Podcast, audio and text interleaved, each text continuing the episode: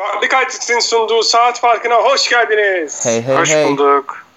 Hey ben hey Arda hey. Karabıcık, Aras Bayram ve Özgün Hey, Akkol'la hey, hey. beraberiz. Doğu'da playoff'ta Hey, hey, hey. kimler kimlerle eşleşti belli oldu. Biz de hemen podcast'e girdik.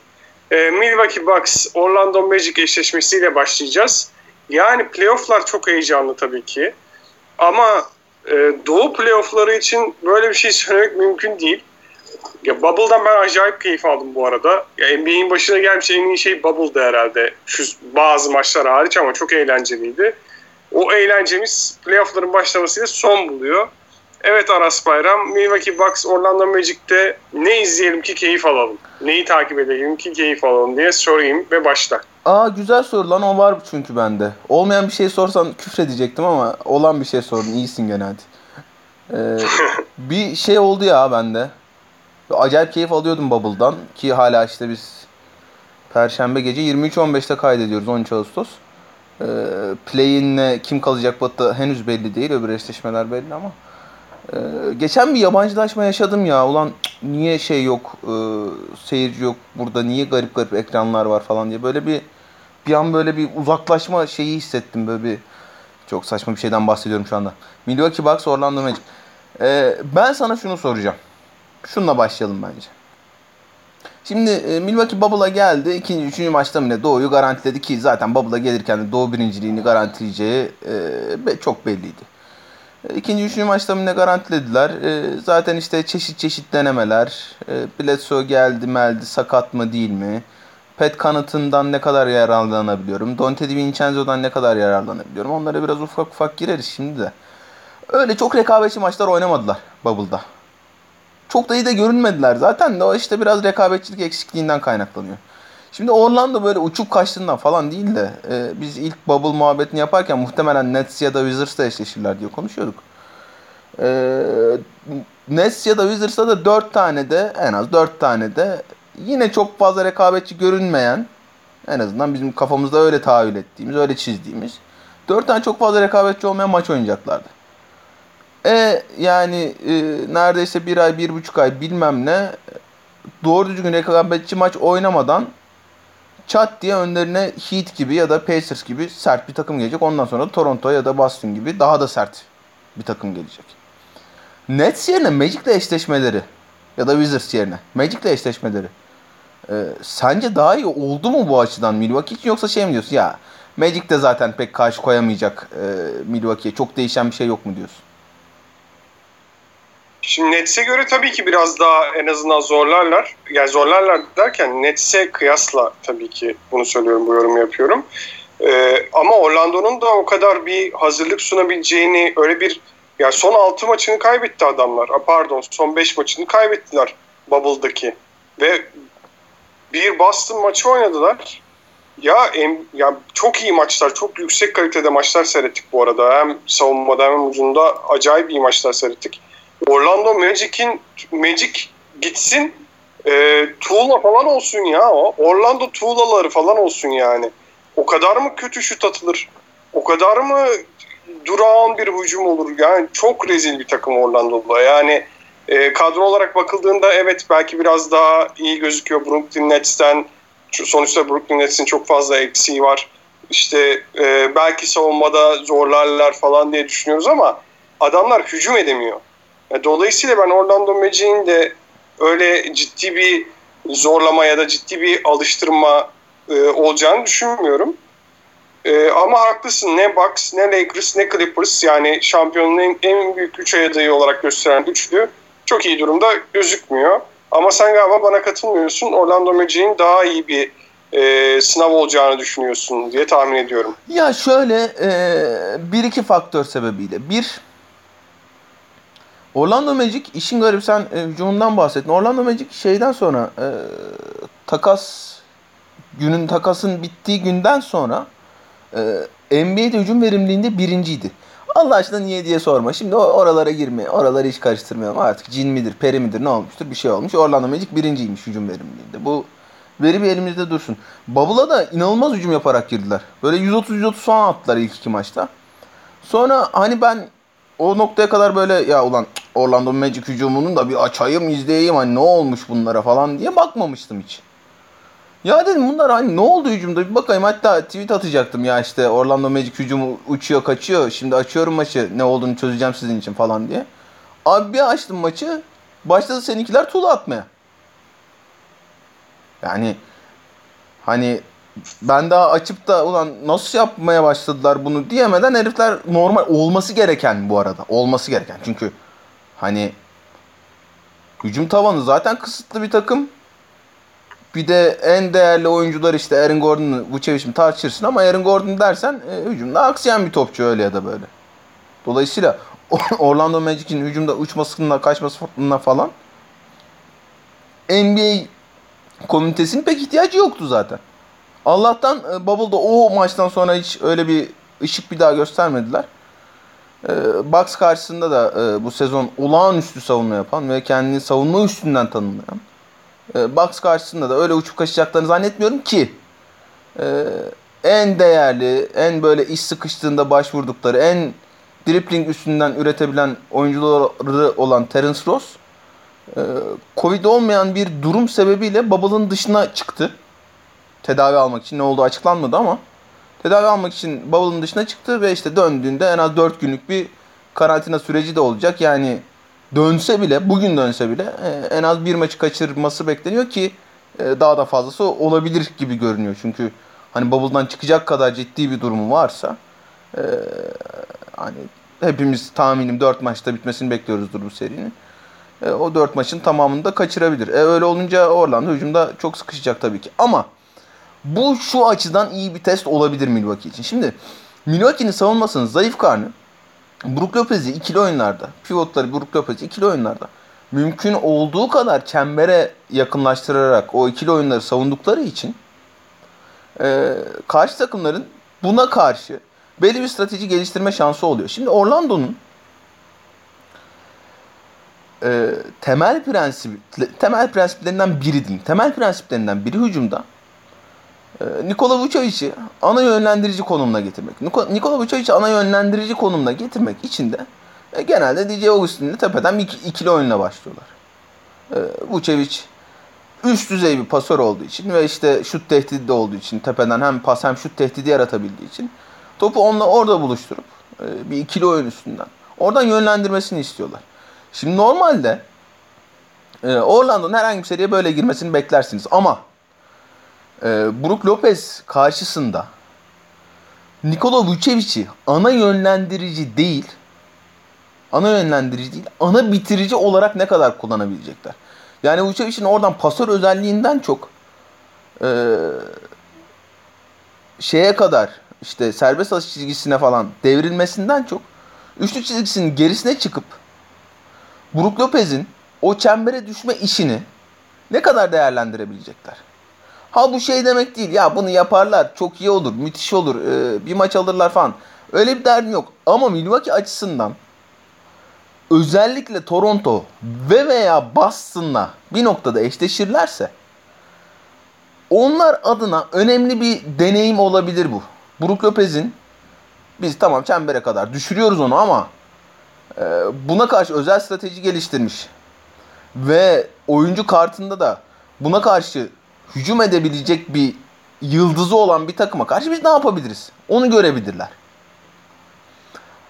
Ha bir iki maç bu bunun üstünden sıkıştırabilir Orlando ama el ele Terence Ross'un da yokluğunda şimdi e, sonuç olarak işte DJ Augustin, DJ Augustin'in eline bakan bir takım. E, biz Bubble öncesi şey konuşmuştuk. Milwaukee tamam olağanüstü normal sezon geçirdi ama ben şey demiştim hani NBA Bubble'a en çok soru işaretiyle gelen takımlardan biri demiştim. O soru işaretlerden birini ortadan kaldırdılar. Brook Lopez olağanüstü bir bubble geçirdi. %29'da şut atıyordu üçlük yayının gerisinden. Ee, Bubble'da çatır çatır şutlarını soktu. O bildiğimiz e, savunma verimliliğini de getirdi. O Brook Lopez işi biraz çözülmüş gibi. Brook Lopez'le ilgili o ufak defoyu az önce anlattım zaten. O ilerleyen serilerde daha da kritik olacak. Onun yanında işte Dante DiVincenzo benim beklediğim kadar iyi değildi. E, Pat Connaughton'dan Dante DiVincenzo'dan bekledikleri katkıları aldılar biraz. E, o soru işareti biraz giderilmiş olabilir. George Hill'in zaten şeyine bakacağız. E, playoff performansına bakacağız.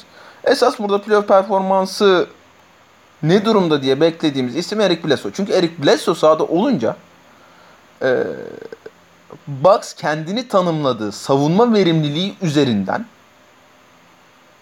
sahaya atabileceği en iyi kadroyu atabiliyor. Eric Bledsoe topun karşısında durabilme, perdelerde savaşabilme. Hele hele ikili oyunlarda perdelerde savaşabilme konusunda e, olağanüstü bir adam. Olağanüstü. Bucks için en önemli özelliği Eric Bledsoe'nun. Ama geçen sene mesela e, Doğu Konferans finallerinde şu anda önümde açık. %29 saha içi, %17 üçlük, %75 serbest atış atmış. 10.2 sayıyla. Şimdi Eric Bledsoe ne kadar sahada kalabilecek? Orlando onun için bir test mi? Değil. Ama en azından hani playoff'ları görünce böyle bir kafa gitme durumu olacak mı? Ona bir bakacağız. E, son olarak da hani DJ Augustin'in Nikola Vucevic'in işlemediği ya da ikinci hücum istedikleri noktalarda Aaron Gordon'a gidecekler. Aaron Gordon da malum ee, çok iyi bir yaratıcı da değil, çok iyi bir şutör de değil, çok iyi bir skorer de değil. Brook Lopez'i her türlü ikili oyunda, üçlük yayının e, gerisine çıktığı ikili oyunlarda bile Nikola Vucevic'in mümkün olduğu kadar üstünde tutarlarsa eğer Aaron Gordon'ın o şütörlük sorunu sebebiyle Giannis de yine o çember savunmasını yapabilir Milwaukee. Ama ben yine de e, görmek isteyeceklerini düşünüyorum. Brook Lopez'i biz çembere düşürsek bile ne yapabilirler diye. E, sözün özü ben 4-0 bekliyorum. Belki 1-2 maç dediğim gibi bu söylediğim sebepten. Sırf bu sebepten ama Orlando sıkıştırabilir Bucks. Özgün sen nasıl görüyorsun bu seriyi? Sende bir heyecan var mı? İyi ki Magic geldi, Brooklyn gelmedi gibi düşünüyor musun? Valla ben niye Brooklyn'i ezdiniz onu çok anlamadım açıkçası. Yani buradan bakınca ikisi de birbirine daha iyi takımlar gibi durmuyor. Hayırdır Jay-Z ile mi görüşüyorum ya? Şeye başkanlığa adaylığımı koydum geçenlerde. Ha iyi yapmışsın. Aynen. Artık Jay-Z'yim ben. Valla e, bilmem Markel Fultz'tan dolayı mı? Fultz çünkü son maçta 22 dakikada 18 sayı attı. O yüzden e, ar- arasında herhalde bahsetmediği tek oyuncu Fultz olabilir Orlando'daki. E, ben de Fultz'tan bahsedeyim. Yani bilmiyorum ya ben siz konuştukça iyice kafamda 4-0 oturdum yani. Ee, bir iki maç yakın geçerse güzel olur tabii ama e, ilk turlar sanki Bubble'ı aratacakmış gibi geliyor bana ya. Geçen e, Devo ile konuşurken Bubble'ın içine çok giremedim falan demiştim ama sonradan baya güzel girdim içine Bubble'ın. Ee, hakikaten çok güzel maçlar izledik. Sanki böyle playoff'un ilk turu bu sefer şey olacak gibi yani. Böyle hatta hani beşe bindim havası verecek gibi bize. Biraz ona üzüldüm şimdi. Ee, yine siz konuşurken. Ee, çok heyecanlanabilecek bir şey değil yani. Ee, ve dediğim gibi yani ha Nets gelmiş ha Magic gelmiş bilmiyorum şey için. Ee, en son işte geçen gün Nets yendi Magic'i yani sonuçta. Böyle sığ e, yaklaşımlarla e, bir maç üzerinden hemen takımları değerlendirebiliriz. Yani ne bileyim yani çok şey değil ya. Fark eden bir şey yok bence yani e, açısından. İnşallah ama hakikaten biraz ufak bir sertlik olur da e, box biraz e, işlerin ciddileştiğinin farkına varır. Yoksa hakikaten e, arasın dediği gibi ilk turda fazla laylaylom havasında geçerse e, karşılarına çıkan sert bir Celtics takımı onları bir afallatabilir yani. O zaman ikinci maçımıza, eşleşmemize geçeceğiz. Ee, bu arada Aa şunu şey sormak yok mu? Çılgın tahmin yok mu? Ha, tamam çılgın tahmin. Tamam. Bir Çılgın tahmin. Şunu soracağım ondan sonra Çılgın geçeceğim. Tahmin. tamamen bu arada podcast'le falan alakası yok. Direkt kişisel olarak merak ettim. Şimdi e, San Antonio bu gece kazanırsa Phoenix Suns ve Memphis kaybederse e, San Antonio mu kalıyor Aynen. play'ine? Evet. Evet. Tamam. Bahis yapıyorum da. Tamam. Geliyoruz. İşte podcastçilik budur. Canlı bahis. Canlı bahis. Geliyoruz diğer e, çılgın tahminimize. Evet. Alalım Aras Bayram çılgın tahmin. Ee, ben Vucevic bir maçta 5'ten fazla üçlük atar diyor. Güzel. Özgün. Valla ben e, şeyin Magic'in en skorer ismi Markel Fultz olur diyorum. Ee, ben de Yanis bir maçta 15 dakika oynar diyorum. Oğlum yani dün dün müydü? Dün iki gün iki gün önceydi herhalde. Mo Wagner'a neden kafa attı? Ha hakikaten ya. o, o ne abi? Abi bu bence bunlar e, karantinada acayip sıkıldı ve delirmek üzereler. Yani e, biz de tabii ki evde kaldık. Karantinada kaldık bir süre. Anlarız. Ama- biraz biz. Ama NBA oyuncuları bence kalmadılar. İlk defa kalıyor olabilirler karantinada doğru düzgün. Ve o yüzden bence bastı birazcık o ortam onları. Ee, gerçi kaldıkları yerlerin videolarını paylaşıyorlar. Gayet güzel yerler ama gene de bir sıkıntı yaratmış olabilir diye tahmin ediyorum. Var mı tahmini olan bu konuda başka? Hiç, içeri striptizci de almıyorlarmış şimdi Orlando'ya. o da bir e, hayal kırıklığı yaratmış olabilir. Abi ama bir şey sorabilir miyim? Yani tamam çok sıkıldın, karantinadasın, çok sıkıldın. Ya diyorsun ben bu maç birilerine bulaşacağım. Washington Wizards, e, Milwaukee Bucks maçı önemli bir maçtır. Birilerine bulaşacağım diyorsun. Tamam. Çok çünkü striptizci gelmiyor. İşte Lou Williams gibi de kaçamıyorsun. E, o kadar taşak yok kimsede. Tamam eyvallah. E, yani böyle ben birine kafa atacağım diye maça çıktın. Kafa atacağın insan Mo Wagner mı olur? Ya o e, hakikaten garip yani. Mo Wagner Jimmy Butler mesela Jimmy Butler çok sıkılmış. Canı sıkılmış belli yani. Hani bö- böyle bir ben birilerine bu o deli biliyorsunuz zaten. Ben birilerine bulaşacağım demiş. Şimdi Miami'de de işte Miami kültürü, antrenmanlar böyle falan filan çok sertlik mertlik bilmem ne derken orada kimseyle de kolay kolay kapışamıyordur o. Herif şey demiş. Ben tamam biriyle dövüşeceğim bu maç demiş. Olabilir eyvallah. Ee, ben de bazen halı saha maçına çıkarken benzer kafaya girdiğim için Jimmy Butler'la oradan ufak da olsa bir şey yakalamaya çalışıyorum şu anda. Herif gitti Chris Paul'a sataştı mesela. Süper. Süper. Chris Paul bayıldı gülüyor falan. Abi herif gitti Mo Wagner'a kafa attı. Bir de kafa attı yani hani. Şey falan da değil ya böyle elimle ittireyim falan. Daha böyle fiziksel mücadeleye girebileceğim bundan hoşlanacak hani daha böyle isim isim isim bir- biri bilmiyorum bana çok garip geldi çok garip geldi yani. Şeyden olabilir mi ya? En e, sahadaki en yumuşak adam bu herhalde diye hani bana en bir şey yapamayacak olan bu deyip işi garantiye almak istemiş olabilir mi? Abi eğer, hele hele bir de öyleyse var ya o iyice kötü. Bunu falan hesap edip düşünüp böyle ulan Mo Wagner'a sataşsam var ya bir şey de diyemez bana şimdi çocukcağız. Yazık falan dediyse o zaman tüh tüh tüh çok iyice kötü yani. Yanis'in karizma biraz çizildi. Lebron sendromu var Yanis'te. E, Biliyorsunuz önemli anlarda da iki tane serbest atışı kaçırdı. Bir saniye Lebron'un şu anki bakıyorum. hali değil. Kariyerin başındaki halinden bahsediyoruz tabii ki. Ee, Lebron muhabbeti yapmadan 18 dakika iyi. Bir de başında söyledi ya bütün zehrimi akıtayım falan diye bir şeyler. 18 dakika tutabildi adamı. Valla kendime söz vermiştim uğraşmayacağım diye. Ama bu uğraşmak değil. Kariyerinin başından bahsediyorum. Lebron'da da böyle bir üzerinden şampiyon olarak kadar üzerinden atamadığı bir tutukluk vardı ya. Yanis'te de sanki o var gibi duruyor ve o da bir sinir yapıyor olabilir. Çünkü o kaçırdığı serbest atışlardan sonra bu yorumlar çok yapıldı kendisi hakkında deyip Raptors Brooklyn Nets eşleşmesine geçelim. Raptors acayip pardon Ver müziği.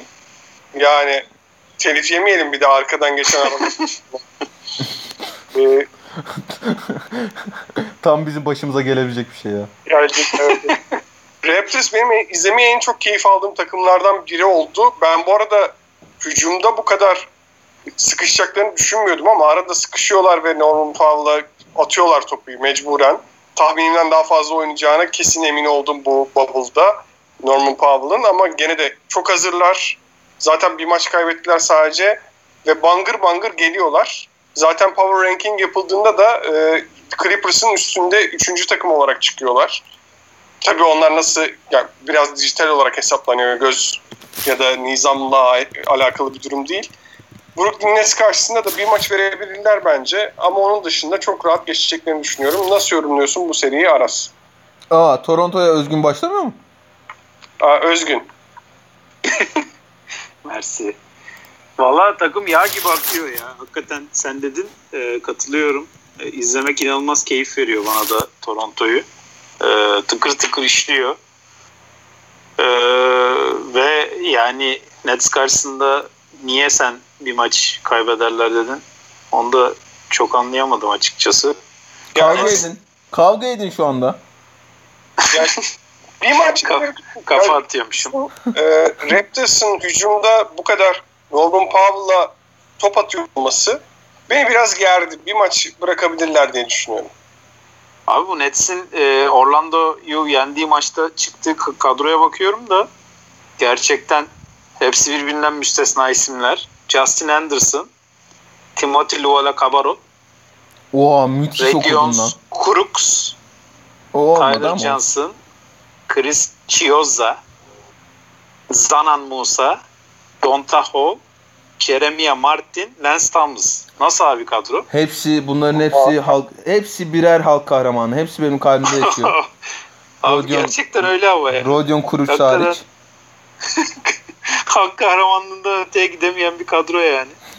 Ee, yani bilmiyorum. Yani bu, bu adamlar hakikaten iyi, Bubble'da iyi iş çıkardılar. Gerçekten orasını takdir etmek lazım da ya ben hiç e, yani bir maç yakın geçerse şaşarım yani öyle söyleyeyim. Yani çünkü şey de değil.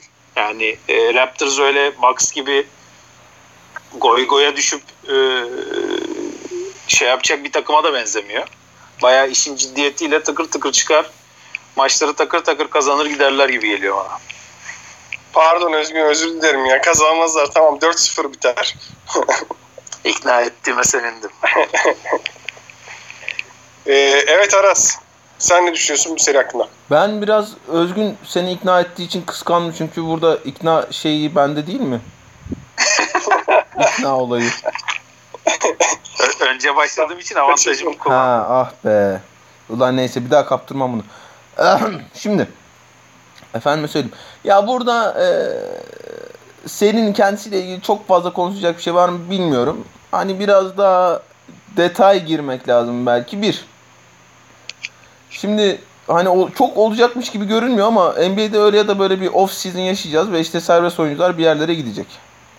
Bu serbest oyuncular arasında belki de e, en değerlerinden ikisi çünkü serbest oyuncu piyasası biraz garip bu sezon. En değerlerinden ikisi karşı karşıya gelecek. Biri Joe Harris, biri Fred VanVleet. E, Joe Harris'in özellikle Fred VanVleet artık yani hani az çok ne olduğu biliniyor. E, piyasada bayağı da değer bulacaktır bence. Joe Harris'in alacağı kontratı belirleyecek seri bu olacak. Çünkü hani bir maçı alır alamaz Nets. O çok ayrı bir tartışma konusu da. Nets'in ve Joe Harris'in bu sezon için oynayacağı e, son maçlar bunlar olacak. Joe Harris'in de piyasa değerini muhtemelen bu seride oynadığı top belirleyecek. Joe Harris, Kevin Durant'li, Kyrie Irving'li e, sistemde Nets'in bir parçası olacak mı? Olmasını isteyecekler mi? Kalacak mı? E, onun için çok önemli bir gösterge olacak bu e, 4-5 maçlık seri.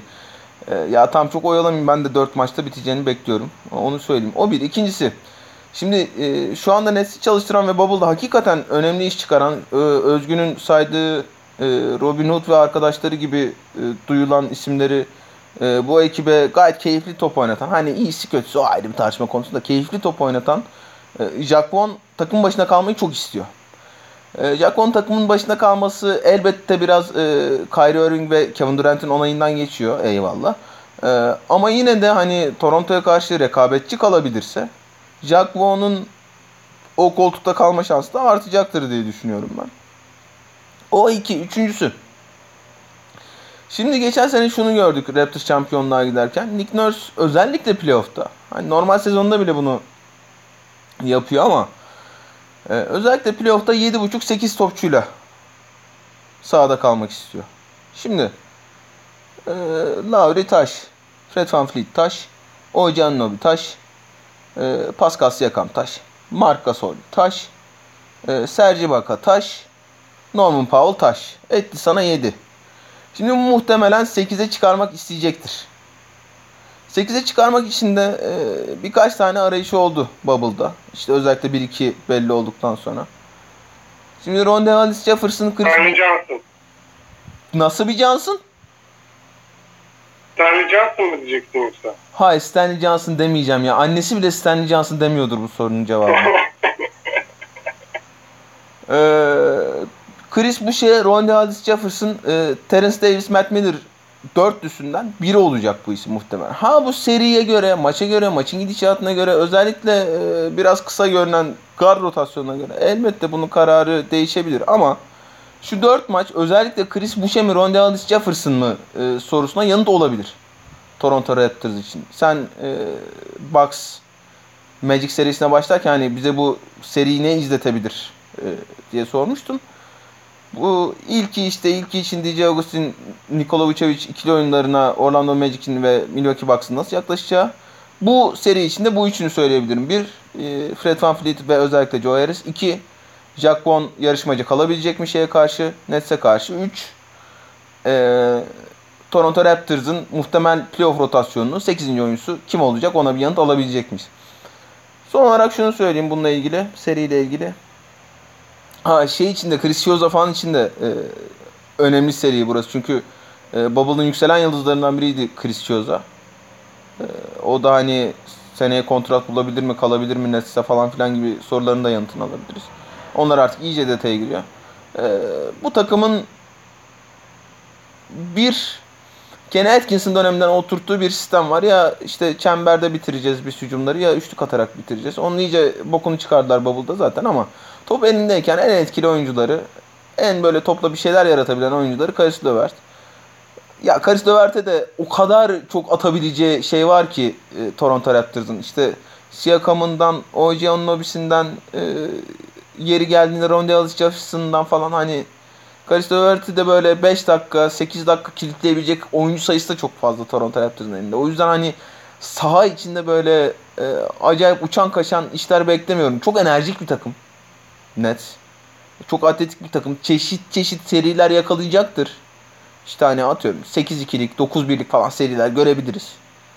Ama hani maçların totalinde öyle çok yakın geçecek maç bile beklemiyorum ben bırak 5 e, maça gitmesini. E, sonuç olarak bu bunları izleyeceğim ben. Bunların eşliğinde 4-0 diyorum. İyice ikna oldum. 4-0 diyoruz o zaman buna. E, çılgın tahmin alalım. Evet Özgün. Çılgın tahmin. Valla çılgın tahminim e, bence yeterince çılgın. E, Chris Boucher olur o e, arasını saydığı dört kişiden arasından çıkan eleman. Ve e, yani sağlam bir katkı verir e, en azından. Dört maçın üçünde böyle çift taneli sayılara falan çıkıp e, 20 küsür dakikalar falan görür diye düşünüyorum. Bu arada e, Malcolm, Malcolm Miller'a Matt Miller dedim sanırım. E, Malcolm Miller olacak o düzelteyim. Ama yani NBA'de Matt Miller diye bir topçu olmaması şimdi düşününce bayağı saç. hakikaten yani. Evet yani ben hani en azından birileri ismini değiştirsin Matt Miller diye onu izleyelim. Neyse. E, çılgın tahmin. Ha e, Raptors adına serinin en skorer oyuncusu Norman Powell olur. Olur, olabilir. Ee, benim çılgın tahminim Laundry gene playoff'lara yavaş başlar ve 7'de birlik bir süt performansı gösterir diyorum. Özgün'den özür diliyorum bu tahmin için. Geçelim mi diğer Valla geçelim. Geç bile kaldık. İki tane konuşulacak seri var yani şu ilk turda. Ya bu da pek ne kadar konuşulacak bilmiyorum. Boston Celtics'te e, yavaş başladı Tatum özellikle çok kötü başladı e, Bubble'a. Yavaş yavaş kazandı ritmini. E, Boston Celtics ya daha doğrusu o Tatum'u tutacak adam yoktu Portland'da ve çok çok rahat oynadı. Onu da batıya geçince konuşuruz zaten Portland'ın sorunlarını. Ve o ritim kazandırdı Tatum'a. Şu anda da biraz daha iyi gözüküyor. Geri kalan hatta iyi gözüküyor. E, Philadelphia'da Simmons sakat. Yani Simmons gittiğinden gittikten sonra da herkes sildi Sixers'ı. Ama Simmons'ın gitmesi artı olabilir mi acaba diye düşünüyor bazıları da. Aras senin yorumun ne? Yani beklediğimiz zevki alamayacakmışız gibi geliyor bana. Gençler ben iki kelam edip e, kaçacağım. E, tamam. Şey varsa, destur varsa. Buyurun. Aa buyurun. Destur olmak. Ee, Destur var olmak. Desturunuz varsa fazladan alabilirim. E, Valla bu Embiid'in e, eline olan sıkıntı anlaşılan e, ilk başta sanki playoffları kaçıracak falan gibi bir e, ortam olmuştu ama herhalde e, o kadar ciddi değilmiş anladığım kadarıyla. E, ama e, şimdilik bir dakika sınırlaması falan deniyor. Yani çok ciddi bir şey değilse playofflarda e, o tekrar normal bir şekilde oynamaya çalışacak muhtemelen. E, en kritik şey de o. Yani hep zaten şimdiye kadar e, Sixers'ı konuşurken e, Embiid'in sağlığı, Embiid'in sağlığı diye herhalde bin kere demişizdir. E, demeye devam edeceğiz gibi gözüküyor. E, Simmons'ın yokluğu e, çok hakikaten etkileyemeyebilirdi. Çünkü zaten beraber e, oynayamadıkları çok belliydi Simmons'la Embiid'in. Ondan da çok bahsettik. Hani o yüzden Simmons'ın olmayışı e, takımın toplam gücünde çok bir e, eksi yazmayabilirdi ama şimdi Embiid de sıkıntı yaşarsa o zaman e, Tobias Harris, Al Horford ikilisine kalacak gibi ortalık. E, o da muhtemelen e, Celtics şu aralar gayet iyi oynuyor. Bubble'da iyi oynadı.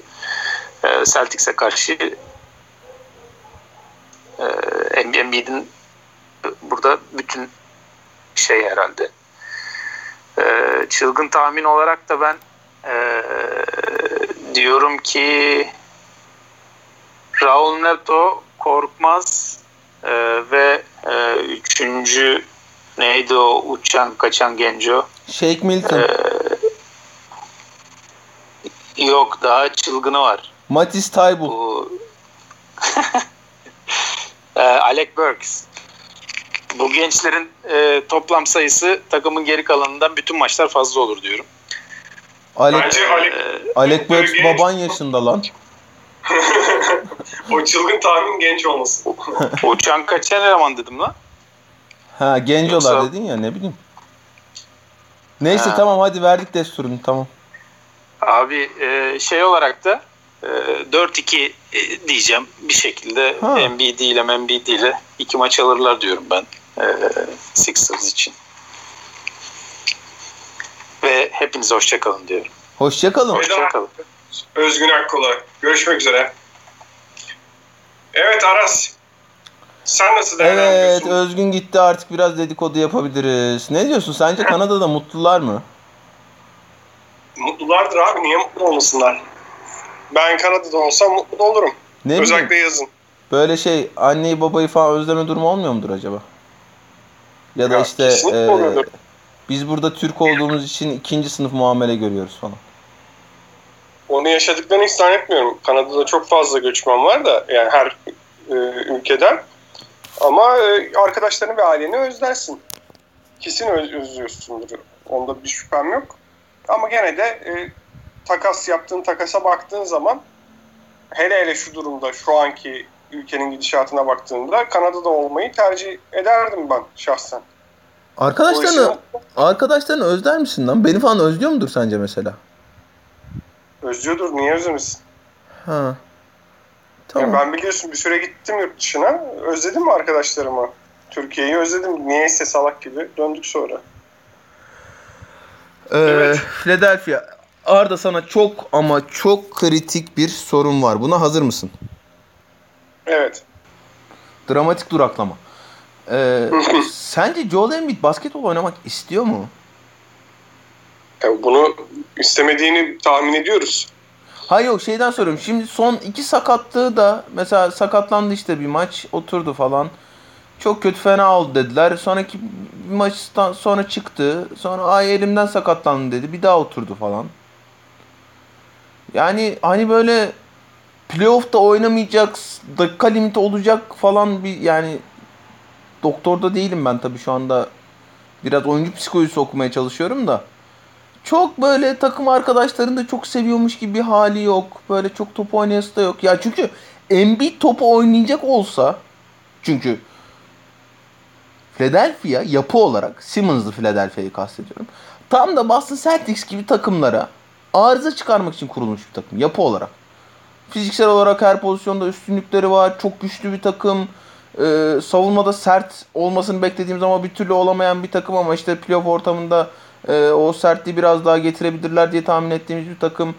E, işte herkesin bubble'a gelirken ya işte 6.lar mı 6.lar ama of uçup kaçabilirler bubble'da çünkü yetenek tavanları yüksek. Bak bir yerlere gidebilirler hele hele savunma sertliğinde oturturlarsa falan filan diye düşündüğün bir takım. Hele şimdi Joel Embiid şimdi alır abi karşısına ne bileyim Boston uzunları karşısında 40 sayı 20 rebound yapabilir. Yaptı Bubble'da mesela. Daniel Tice 5 faal, Enes Kanter 5 faal, Robert Williams 5 faal falan. Yapabilir. Joel Embiid bu konuda istekli olsa ve ben abi ya elim sakat ama yani playoff hani hayatımızda kaç tane playoff oynayacağız? Şunu da çıkayım çatır çatır oynayayım deyip çatır çatır oynarsa bu seriyle ilgili başka bir şey konuşabiliriz. Ha, o konuştuğunuz başka şey Philadelphia'nın Boston'ın elemesini sağlar mı? Bence sağlamaz. Oraya az sonra geleceğim de. En azından rekabetçi bir seri olması için bunun Joel Embiid'in ne, yap ne yapmayacağı biraz önemli. Çünkü bakıyorsun herhangi bir pozisyonda bir üstünlüğü varsa Boston'ın o Joel, e, Philadelphia'nın o Joel Embiid. Geri kalan hiç pozisyonda üstünlüğü yok bana soracak olursan. Tobias Harris'in karşısına kimi yazarsan yaz. E, istersen Jalen Brown yaz, istersen Jason Tatum yaz. Biliyorsun öyle ya da böyle. Hele hele yakın playoff serileri bir noktada şeye bağlanıyor. Ya birebir eşleşmelerin hangisinde üstünlük kuruyorum? Sağdaki en iyi oyuncu bende mi? Joel Embiid top oynamaya karar verirse, hele hele geçen seneki playofflardaki gibi top oynamaya karar verirse sahanın en iyi oyuncusu olacak. Yeteneği kesinlikle var. Yüzde yüz var. Ama fizik olarak ne kadar hazır durumda onu doktor olmadığım için ben bilemiyorum. İstek olarak ne durumda? O bir. İkincisi abi şimdi yani Ben Simmons, Joel Embiid e, beraber olmadılar, olmuyorlar işte farklı bir şey görmek lazım, farklı bir şey denemek lazım falan filan diyoruz da şu yapıda, Sixers'ın şu yapısında bu oyuncu karşılaştırmak için söylemiyorum ama Sixers'ın şu yapısında Ben Simmons Joel Embiid'den daha önemli oyuncu. Neden? Joel Embiid'in yerine koyabileceğin oyuncu var çünkü. Muadili var Philadelphia'da. Atarsın öyle ya da böyle Al Horford'u. 5 numaraya. Oradan bir şeyler üretmeye çalışırsın. Abi Ben Simmons olmayınca topu yere vurup bak. Bir şey de beklediğimden değil ha. Topu yere vurup karşı sahaya taşıyabilecek. Basketbolun en temel işlerinden biri. Topu yere vurup karşı sahaya taşıyabilecek oyuncu kalmıyor Philadelphia'nın elinde. Sen Tobias Harris, Al Horford, Joel Embiid e, üçlüsüne 85.955 milyar dolar para gömersen senin backcourt'unda topu yere vurup karşı sahaya geçirebilecek oyuncu kalmıyor işte. E, millet övdü mövdü ya işte aa çok sert takım kurdular sene başında. Uçacaklar kaçacaklar bilmem ne de. Abi NBA oraya gitmiyor ki. Sen 3 tane ön alan oyuncusuna bu kadar para gömersen Boston karşısında ne yapacağım diye merak ediyorsun şimdi. Çünkü niye biliyor Ama, musun? Ha, Aras bir dakika burada bir şey söylemem lazım. Ya normal vatandaş olarak seni niye etkiliyor bu?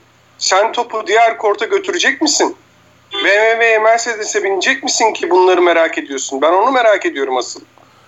Bunlar senin sorunun değil abi. Podcast'in başından beri bunu sıkıştıracak bir yer arıyordun değil mi?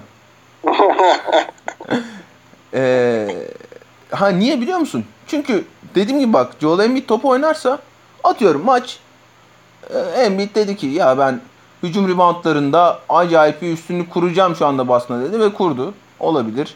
İşte oradan ikinci şans sayıları ürettiler, tempoyu tuttular, bilmem ne yaptılar. Tamam maç abi yakın geçmeye başladı. Son 3 dakika 99-99 maç. Abi sen şeyle Shake Milton'la şey yapmaya çalışıyorsun. Hücum kurmaya çalışıyorsun.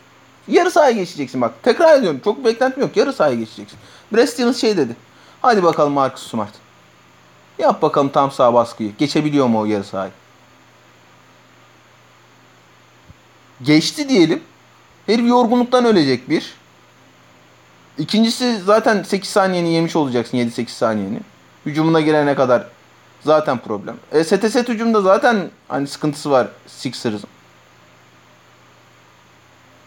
Yani seri yakın geçse bile çok çok çok önemli bir kozu olacak Brad Stevens'ın elinde. Onu da geçtim. Yani e, zaten total Ben Simmons'sız kadro kalitesi olarak bence Boston daha iyi. Onu da geçtim. Abi sağ kenarında da çok çok ciddi bir avantajı var şeyin. E, Boston'ın. Yok yani Brad Durant tamam dünya tatlısı adam. Oyuncularla arası iyi. İşte Spurs koç ağacından çıkma. e, çok bir oyuncu geliştirme uzmanı bilmem ne bilmem ne. Ama abi şimdi her şey iyi gitti Philadelphia için diyelim. Brad Stevens şey yapmaya başlayacak mesela. E, ikili oyun hücumlarında çok uzun bir alanı savundurmaya başlayacak. Joel Embiid'e de Al Horford'a da. Ta şeyin oradan, logonun oradan şeye başlayacak Kemba Walker'la. Perdeyi oraya getirmeye başlayacak. Yoracak. Joel Embiid'i de yoracak. Al Horford'u da yoracak. Yani elinde koştuk olarak da, koştuk malzemesi olarak da çok daha fazla koz var şeyin, Boston Celtics'in. E, Embiid'in sakatlığı malum derken yani hani normal şartlar altında böyle ooo çok iyi lan diye gireceğim bir seri. Sene başında abi Doğu ilk turunda Boston Celtics Philadelphia 76ers serisi olacak desem bayağı heyecanlanırdık lan. İlk tur şeyine bak, serisine bak diye. Şu anda ben zerre heyecan hissetmiyorum bu seriyle ilgili. Sende var mı bir heyecan mesela? Tamam. Yok yok abi hiçbir heyecan yok. Ee, üzülüyorum sadece. Üzülüyorum ya bütün potansiyel boşa gitmiş oldu.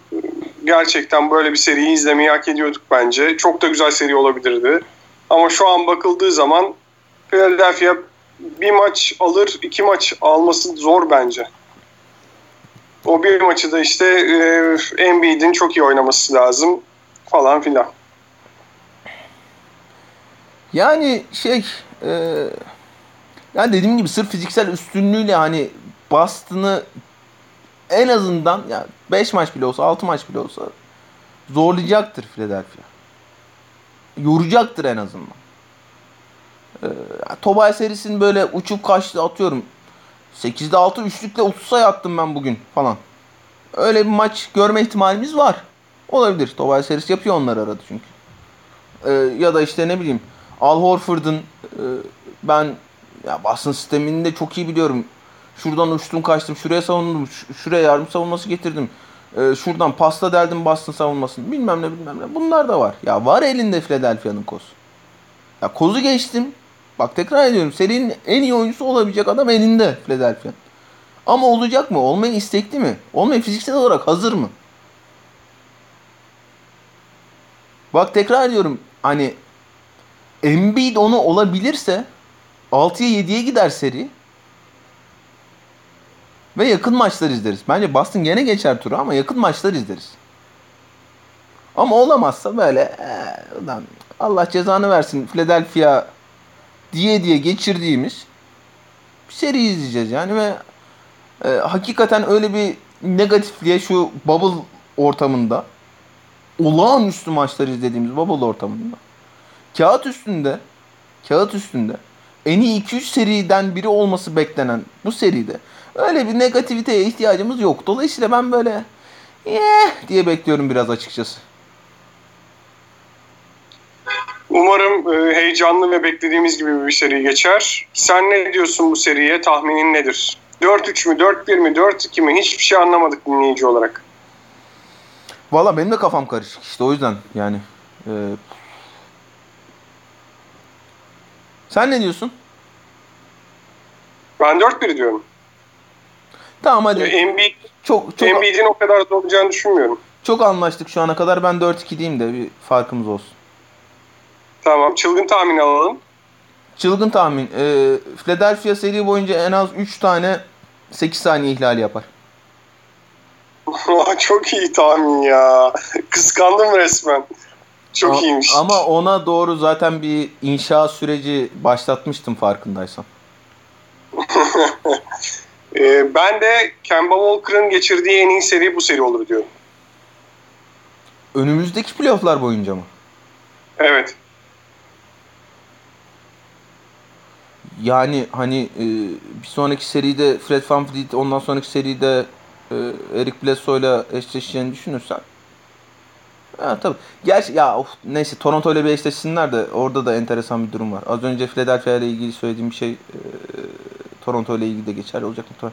Neyse ben hani olursa Toronto e, Boston serisini esas bayağı iple çekiyorum. Neyse. Tamam. E, bitiriyoruz o zaman bu eşleşmeyi de geçiyoruz Miami Heat Pacers serisine. En heyecanlı olacak. Herhalde tek heyecanlı olacak. Hatta seri bu olacak. Umarız Celtics Philadelphia 76ers bizi yanıltır. Embiid bütün maçlarda deli gibi oynar. 45 sayı 50 rebound falan yapar. Ne yapacaksa Abi artık umarım yapsın. 50 rebound yapmaz ya. 45 sayı 20 rebound Ha, ha, olsun pardon. Ha. Güncelleyelim. Ee, öyle öyle oynaya oynaya çekişmeli bir seri yapar. Hatta öyle oynarsa tabii çok farklı bir şey izlemiş oluruz. Miami Heat Pacers serisine geçiyoruz. TJ Warren alev almıştı bu Instagram'da alevli bir tane e, şey var sen bilmiyorsundur. Açıyorsun böyle alev efekti koyuyor üzerine. Selfie'lerinde. Yok da e, gen- gen- genç dostlarımın hanımların storiesine alev attığını biliyorum. Onun gibi bir şey. mi? Onun yok bayağı vücudunu alev yapıyor. Hani Ha, yanıyorum. Vücudunu alev yapıyor. Oha çok iyiymiş lan. Instagram mı açsam? Ben de vücudum alev olsun isterim çünkü. Aç aç o, onlar bayağı keyifli. O halde dolaşıyordu TJ Warren. Her tarafı yakıyordu. Yürüdüğü yer yanıyordu neredeyse. Sonra Jimmy Butler geldi ve dedi ki abicim sen ne yapıyorsun? Bir seni söndürelim dedi. Bir kova su döktü üstüne. Rahatlattı TJ Warren'ı. Ferahladı TJ Warren. Ee, ve bu seride de o ikiliyi, eşleşmeyi göreceğiz. TJ Warren'ın gerçi bir durumu mu var? Son maç oynamadı. Ee, plantar fa- faşaitisi var. Ee, topundan sakat. Ama seride oynayacak değil mi? Oynayacakmış. Ama ya İşte o o- çok acayip rahatsız edici bir sakatlık o. Hani e, bastığında canın acıyor öyle bir sakatlık. Ha. performansını da etkiler diye düşünüyorum açıkçası. Ya bahaneleri hazırlamayalım arkadaşlar. Sahaya çıkabiliyorsan ben derim ki oynayabiliyorsun. Bu kadar basit. Oo. Stephen. Curry'e yıllardır LeBroncuların attığı laf. Tamam çok iyi. Yok tamam geri aldım. Bazı koşullarda geçerli olmayan bir. Ee, Miami Heat Pacers serisi evet go Aras. Nasıl bekliyorsun? Sen bu Jim Butler'ın e, Miami Miami'yi taşıyacağını düşünüyor musun? Biraz böyle Milwaukee Bucks'ın antidodu olarak görülüyorlardı. Milwaukee Bucks'tan fark ediler. Yani tam bir beklenen çıkış yok. Yani Bubble, Bubble'ın hayal kırıklıklarından biriydi açık açık konuşalım. Ee, sen nasıl görüyorsun Miami Heat'in durumunu ve Pacers eşleşmesini? Abi şöyle e, bir belki biraz Pacers üstünden kurmak gerekiyor seriyi ama Miami ile bir açayım madem Miami'den sordun. E, takasla malum işte Jay Crowder, Andre Iguodala ve şeyi aldılar. Solomon Hill'i aldılar. O dakikadan sonra hep bir şey muhabbeti oldu. İşte biliyorsun Myers Leonard ve Bam Adebayo ile başlıyordu şey. Eric Spoelstra. Acaba üçünden birini e, Myers Leonard'ın yerine sahaya atıp Bam Adebayo'yu tam zamanlı 5 numara olarak kullanacak mı? Eric Spoelstra. Normalde biliyorsun takımlar hele hele sezonları iyi gidiyorsa böyle e, anormal işlere kalkışmıyorlar sezonun ortasında. Ama e, Eric Spoelstra normal bir koç değil. Eric Spoelstra özel bir koç. Hiç ikiletmeden Jay Crowder'ı çat diye attı sahaya. 4 numara olarak ya da Jim Butler'a 4 numara demek istersen diyebilirsin. Çok önemli değil. E, çünkü işte biliyorsun pozisyon kavramları çok kaydı artık NBA'de. Jay Crowder'ı çat diye attı sahaya. Ee, şeyden de yedekten de Derrick Jones Jr. Kelly Olynyk ikilisini getiriyor ve de Derrick Jones Jr.'ı bizim kafamızda e, kurduğumuz ortodoks 5 numara olarak kullanıyor aslında. Tepeden ikili oyunda devrilecek, e, savunmada da çember koruyacak oyuncu olarak kullanıyor. Ee, sen kötü geçirdiler Bubble'ı dedin ya da senin için hayal kırıklığı olmuş olabilir anlıyorum çünkü e, Miami Heat izlemesi çok keyifli bir takım ve hani benim de beklentimin şu Bubble'daki oyunundan daha yüksek olduğu bir takım. Ama en azından Eric Spoelstra'nın kafasında net bir oyun şablonu var, net bir hücum şablonu var ve o hücum şablonuna göre e, özellikle Bam Adebayo, Jimmy Butler ikilisinin e, sapık gibi kat beslediği ve onların kat beslediği oyunun çevresine 3 tane şutör yerleştirdiği bir sistem var. Miles Leonard eyvallah. O şutör işini biraz biraz belki karşılıyor diyebilirsin ama o kat işini çok fazla karşılamıyor olabilir. Jay Crowder oraları daha iyi oynayan bir oyuncu. Oyuncu kartı olarak, oyuncu kartında yazan şeyler olarak bu sisteme, Eric Spoelstra'nın kafasındaki sisteme daha uygun bir oyuncu. Bana soracak olursan e, işte Tyler Hero'sundan, Kendrick Nunn'ından, Duncan Robinson'ından, Derrick Jones Jr.'ından hepsinden hepsinden öyle ya da de, e, Kendrick Nunn özellikle felaket bubble geçiriyor ama e, hepsinden e, katkı aldığı için de Pacers'a göre rotasyonu daha kalabalık bir takım Miami. Üstüne üstlük e, takas sonrası pek oynatmadı Andre Iguodala'yı da baya baya dakika vererek çünkü sırf basketbol IQ'suyla bu dediklerimin e, hepsini yapabiliyor Andre Iguodala. Andre Iguodala'ya da baya baya süre vererek e, o rotasyonu da iyice uzattı. Üstelik Andre Iguodala fiziksel olarak iyi de durumdaysa çok yönlü kadrolar atabiliyor Eric Spoelstra sahaya. Atıyorum işte e, Jimmy Butler, Andre Iguodala, e, Jimmy Butler, Andre Iguodala, Jay Crowder, Bam Adebayo falan dördünü birden sahaya atıp olağanüstü bir savunma takımıyla kalabiliyor. Ya da işte Goran Dragic, Tyler Hero, e, Jimmy Butler, Bam Adebayo, Kelly Olynyk'le ya da Duncan Robinson'da olağanüstü bir hücum takımı atabiliyor sahaya. Çok yönlü. Oyun ne gerektiriyorsa, oyun ne istiyorsa onun istediği beşi rahatlıkla sahada tutabilecek bir rotasyonu var. Ha rotasyonun birebir nitelik olarak ne durumda olduğu, kalitesi, yetenek tavanı tartışılır. Ama çeşitlilik olarak hakikaten özel bir rotasyon Miami'nin rotasyonu ki bu Miami'nin oyuncu geliştirme konusundaki e, ne, ne kadar özel bir durumda bir franchise olduğunu da gösteriyor aslında. Eric Spoelstra'nın da ne kadar özel bir koç olduğunu gösteriyor. Öte yandan Pacers için tam tersi şeyler söyleyebiliriz.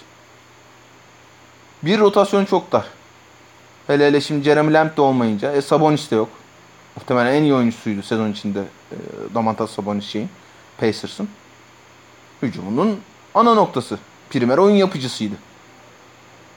Şimdi o rolü Domantas Sabonis'ten boşalan rolü biraz Oladipo'ya vermeye çalışıyor. Aynı tarzda değil ama yoğunluk olarak, hacim olarak o rolü biraz Oladipo'ya vermeye çalışıyor. Ama Oladipo iyi durumda değil.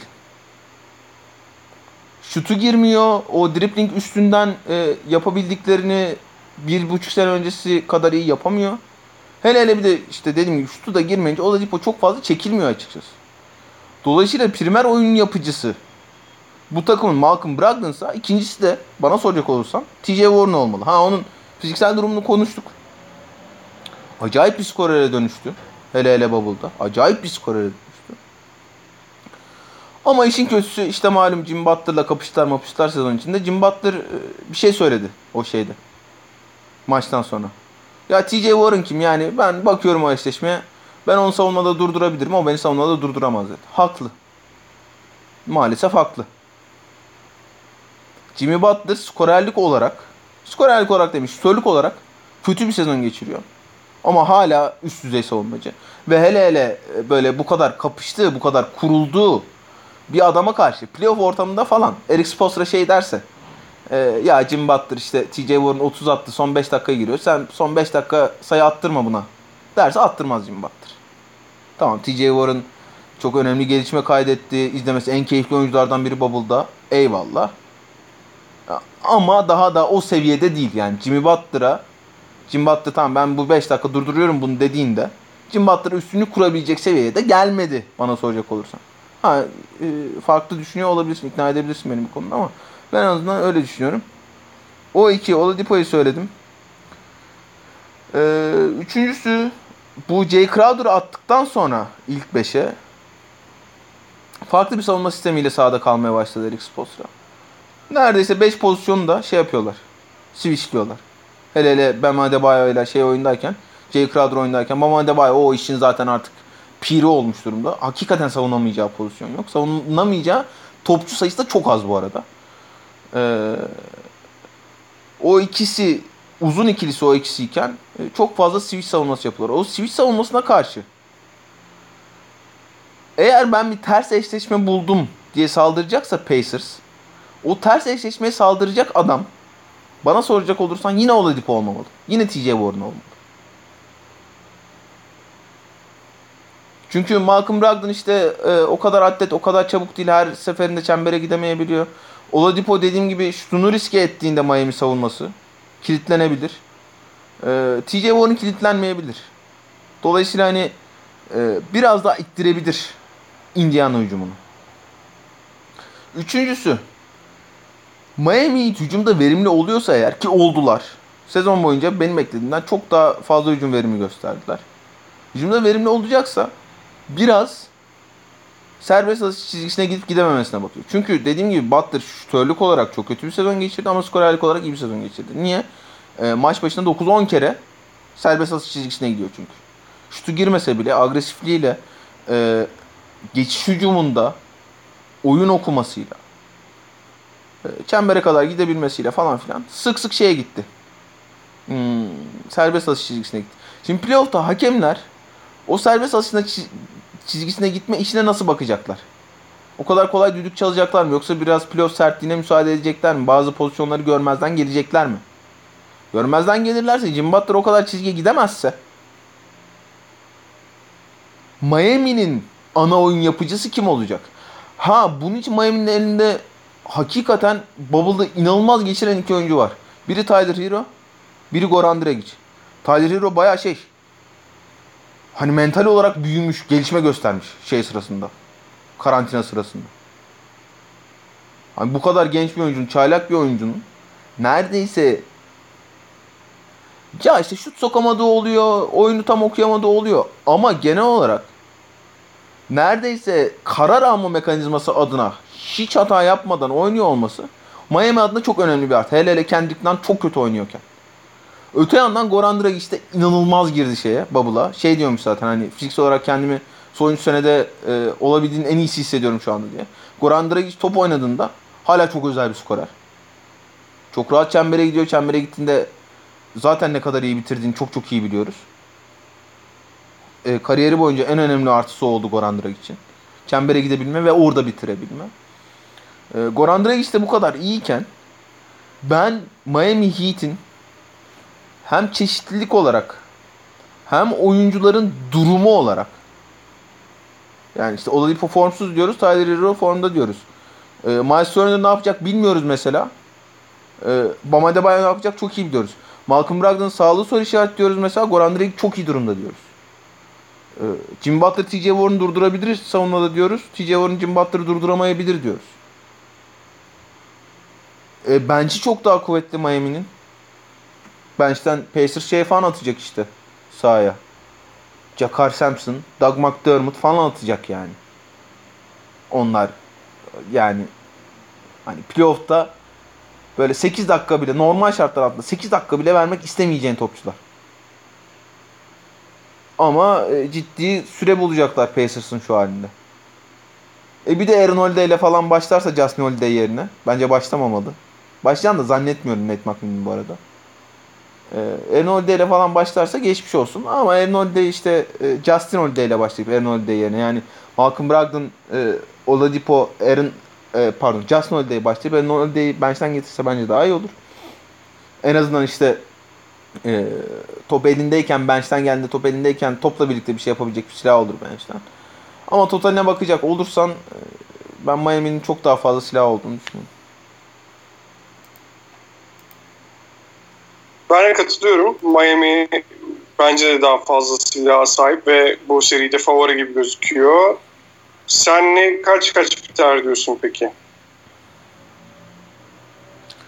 Ya 4-1 ile 4-2 diyeceğim ya. 4-2 diyeceğim.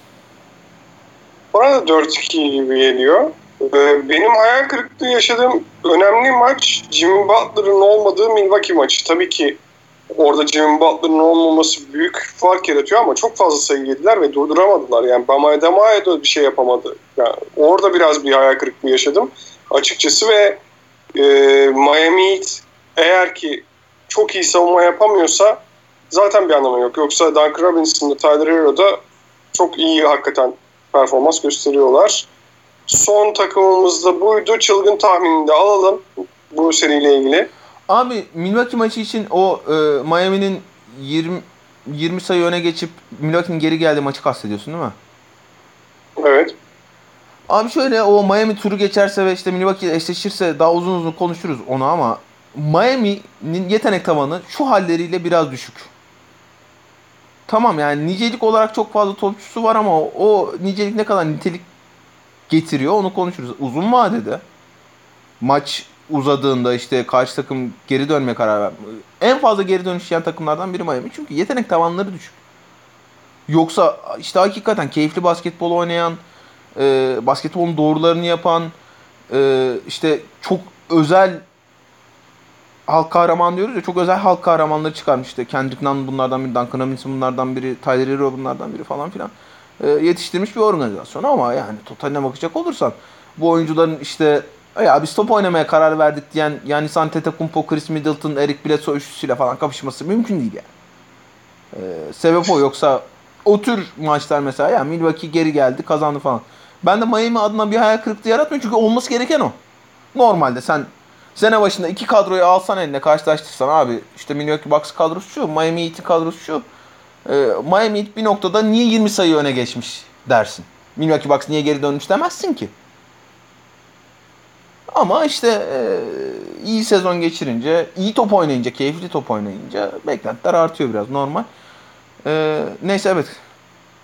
E, kapatıyorduk sanırım. Evet, ekleyeceğim bir çılgın tahmin yaptın mı? Aa çılgın tahmin. Ee, Goran Dragic 19'un üstünde sayı ortalamasıyla oynar. Niye 19 diye ne olur sorma ben de bilmiyorum. Tamam. Benim de çılgın tahminim hatta e, en Allah Allah. Dur bakayım. Kendrick Nunn'ın Fred Van Vliet gibi bir dönüşüm yaşayacağını düşünüyorum playofflarda. Hadi bakalım. Yani sadece bu seri için değil bu. Bakalım Kendrick Nunn oynayacak mı onu bile bilmiyorum ben bu arada. Ben de bilmiyorum. Çok iyi. Ama oynarsa öyle bir değişim yaşayacak. O yüzden play, bütün playofflara yaydım tahminimi. Hadi bakalım. O zaman herkese hoşçakalın diyoruz. Bir Hoş- sonraki programda görüşmek Ee, üzere. ya şöyle e, Perşembe gece kaydettik. Az sonra yayınlayacağız bunu. Ee, batı'da malum hani play'in oynanacak. Play'in oynanması garanti. Ee, cumartesi ikinci maça kalırsa pazar. Pazartesi playoff'lar başlıyor. Ee, ama yani en azından play, play'in oynayacak takımlar belli olduktan sonra Batı'yı çekmeye çalışacağız. Hafta sonu bir noktada gelir diye umuyorum. Umudum. O yönde ee, saat farkı Saat farkı hoş bir podcast. Ya bizim işte Spotify, SoundCloud, iTunes, iTunes bilmem ne hani benim anladığım kadarıyla toplam 3000-3500 bir e, kemik dinleyicimiz var. Hepsine çok teşekkür ediyoruz. Bize yıllardır destek veriyorlar. E, beğendiyseniz farklı kaydeti bizi takip etmeyi, podcast'imizi paylaşmayı unutmayın. Hayırlı haftalar diliyorum. Hoşçakalın. Hoşçakalın.